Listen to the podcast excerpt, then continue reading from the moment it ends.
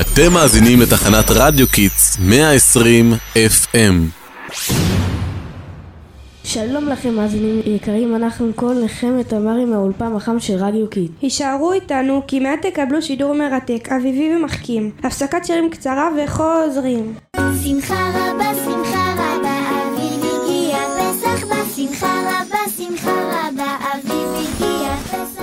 שמחה רבה, שמחה רבה. אם יש משהו שבאמת משמח בפסח, זה החופשה הארוכה מהלימודים. מה רק זה משמח? פסח זה החג הכי כיף שיש. בחיים לא אשכח את חגיגות ליל הסדר בבית של סבתא בלה. זה היה אטרקציה אמיתית. טוב, נו, זה לא נקרא. חגיגות משפחתיות הן תמיד אטרקציה, במיוחד אם מדובר בכל המשפחה המורחבת. אז בכלל, נגיד אצלנו מגיעים כולם לסבתא בפתח תקווה, מהצפון ומהדרום. אתם לא רוצים לדעת מה הולך שם? אני דווקא מתארת לעצמי, גם אצלנו הולך שמח, כל כך שמח, עד שהיין שם נשפך כמים על השולחנות. טוב, אל תגזימי. גם ככה המנהג של שתיית ארבע כוסות הוא די והותר. למה באמת שותים ארבע כוסות יין בפסח? אף פעם לא הבנתי את זה. ארבע כוסות הם כנגד ארבע לשונות של גאולה שכתובות בתורה. כולן מרמזות על איך שאלוקים גאל את עם ישראל ממצרים. המילה והוצאתי היא כנגד כוס אחת, והצלתי כנגד כוס שנייה. ומי יודע מה ההמשך? ההמשך הוא וגאלתי ולקחתי, כלומר אלה בעצם ארבע ביטויים שמתארים איך אלוקים הוציא אותנו ממצרים.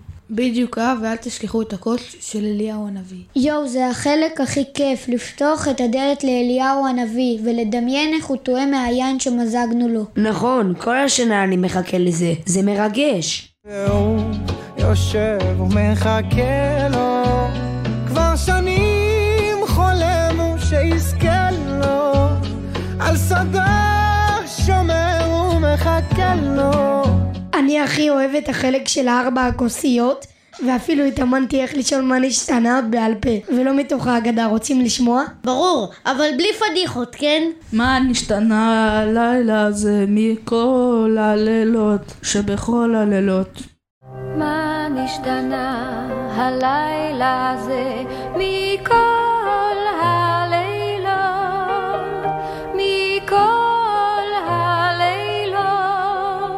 מגניב, אלוף, חכה אני מסריט אותך.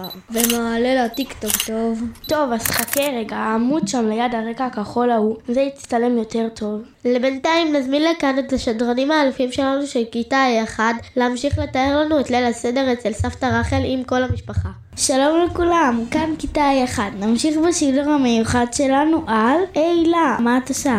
אני מחפשת מקום טוב שאפשר להחביא בו את האפיקומן. אני וכל המשפחה שחוגגים ליל הסדר פה בבניין. מה אתם אומרים? איפה להחביא? אבל צריך מקום טוב, שהאחיין שלי דני לא ימצא את זה.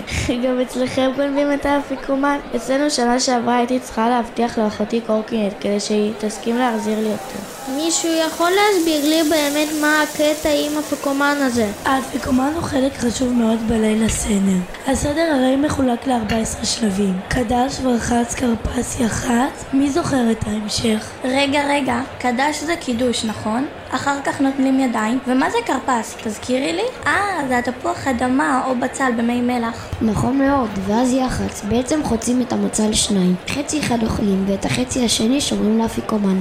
היי, תביאי קצת, גם אני רוצה. ימי, מצה עם שוקולד. מרגישים כבר את הטעם של פסח. אם כבר מדברים על טעם, אתם לא מבינים מה קרה לי שנה שעברה עם המרור. יואו, אל תזכיר לי אותו, זה חריף בטירוף. למה בכלל צריך לאכול דברים כאלו בפסח? מרור אוכלים זכר למרירות והצער שעבר העם שלנו בתור עבדים במצרים. הם סבלו כל כך ואנחנו טועמים מהמרור כדי לזכור לפחות חלקיקון מהסבל שלהם. ומה זה הדבר המוזר הזה ששמים ליד הקערה? שכחתי איך קוראים לזה, חרופת? לא חרופת, חרוסת, והיא זכר לטיט שהיו צריכים להכין עם ישראל במצרים, כשפרעה הפסיק לספק להם אפילו טיט להכנת לבנים. וואי וואי, איזה מסכנים. איזה סבל הם עברו שם, נס שיצאנו לחופשי. עבדים היינו, היינו, אתה בן חורין. עבדים היינו, היינו, אתה בני חורין, בני חורין. רוצים לשמוע משהו מצחיק? אני הייתי בטוחה שבני חורים התכוונו לחורים על המצות.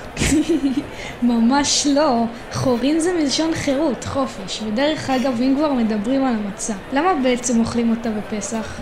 אחרי מכת בכורות, פרעה רץ מהר באמצע הלילה למשה ואהרון, ואמר להם לצאת מיד מארצו, יחד עם כל עם ישראל. מרוב חיפזון ומהירות, הם לא הספיקו להכין צידה לדרך, ולכן אוכלים מצה, שהיא בעצם לחם שלא מספיק לטפוח. מצה עשויה מקמח ומים בלבד, נכון? ובשביל שהיא תהיה כשרה מותר לה להיות בתנור כמה זמן? 18 דקות? בדיוק, כדי שלא תספיק לטפוח, כי אם היא טופחת זה נקרא חמץ ולא מצה. וואי וואי, אל תזכיר לי חמץ. זה מזכיר לי שאני צריך לעשות את כל הניקיונות לפסח. אוי, לא.